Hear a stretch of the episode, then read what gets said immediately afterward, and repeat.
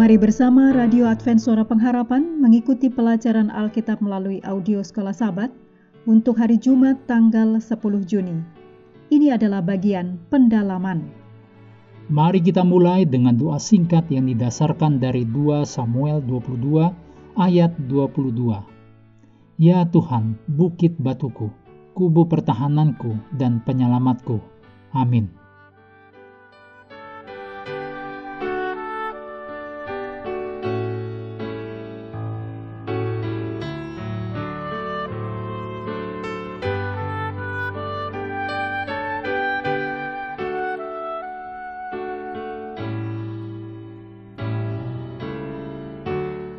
Anda perlu membaca tulisan Ellen G. White judulnya Yusuf di Mesir dalam buku Alfa dan Omega jilid 1 halaman 258 sampai 281. Berikut ini kita ikuti bersama kutipan dari Membina Pendidikan Sejati halaman 48. Pada awal kehidupan, ketika mereka akan beranjak dari masa muda ke masa dewasa, Yusuf dan Daniel terpisah dari rumah mereka dan dibawa sebagai tawanan ke negeri kafir. Terutama adalah Yusuf yang ditimpa penggodaan yang berubah menjadi keuntungan besar. Di rumah ayahnya, ia, yaitu Yusuf, adalah seorang anak yang dicintai dengan lemah lembut. Di rumah Potifar, Yusuf menjadi seorang budak, kemudian menjadi orang yang berkeyakinan dan seorang pendamping, orang yang menangani masalah-masalah terdidik dengan belajar sendiri, menyelidik, dan berhubungan dengan manusia. Dalam penjara Firaun, Yusuf adalah seorang tahanan kerajaan, dihukum secara tidak adil, tanpa harapan untuk pembelaan atau harapan kelepasan. Dipanggil pada saat yang sangat genting untuk memimpin pemerintahan.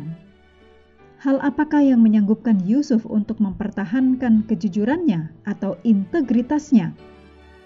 Ketika ia masih anak-anak, Yusuf telah diberi pelajaran tentang kasih dan takut akan Allah.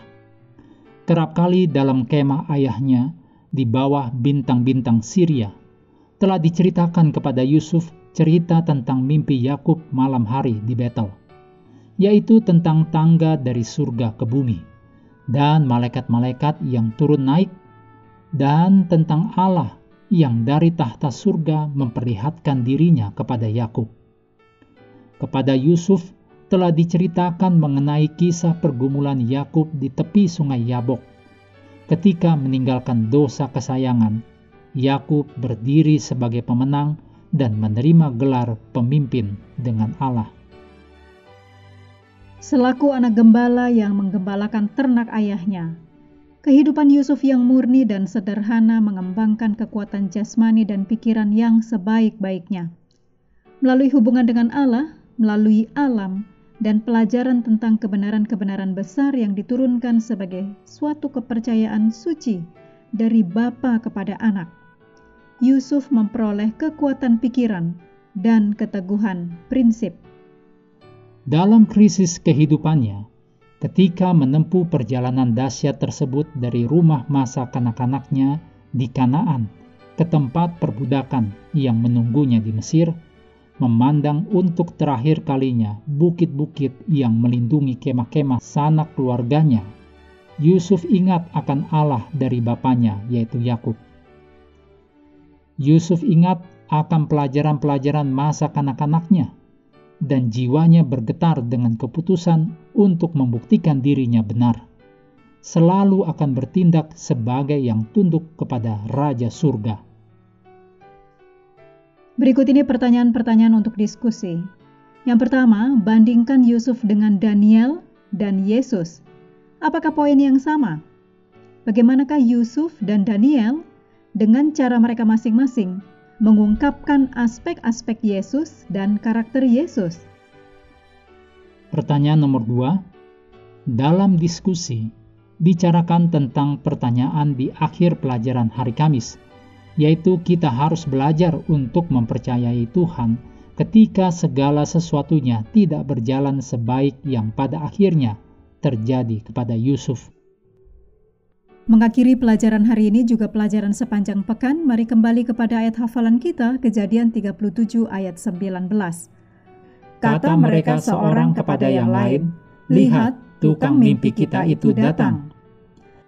Pendengar yang dikasihi Tuhan, di tahun ke-35 pelayanan AWR Indonesia, kisah dan kesaksian pendengar terkait siaran dan pelayanan audio kami terus-menerus dikompilasi Terima kasih banyak untuk yang sudah menyampaikan dan masih terbuka bagi Anda semua untuk segera SMS atau telepon ke nomor AWR di 0821 1061 1595 atau 0816 1188 302 untuk WhatsApp dan Telegram.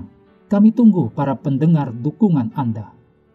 Daklah kita terus tekun mengambil waktu bersekutu dengan Tuhan setiap hari bersama dengan seluruh anggota keluarga. Baik melalui renungan harian, pelajaran sekolah sahabat, juga bacaan Alkitab sedunia percayalah kepada nabi-nabinya, yang untuk hari ini melanjutkan dari bilangan pasal 31. Tuhan memberkati kita semua.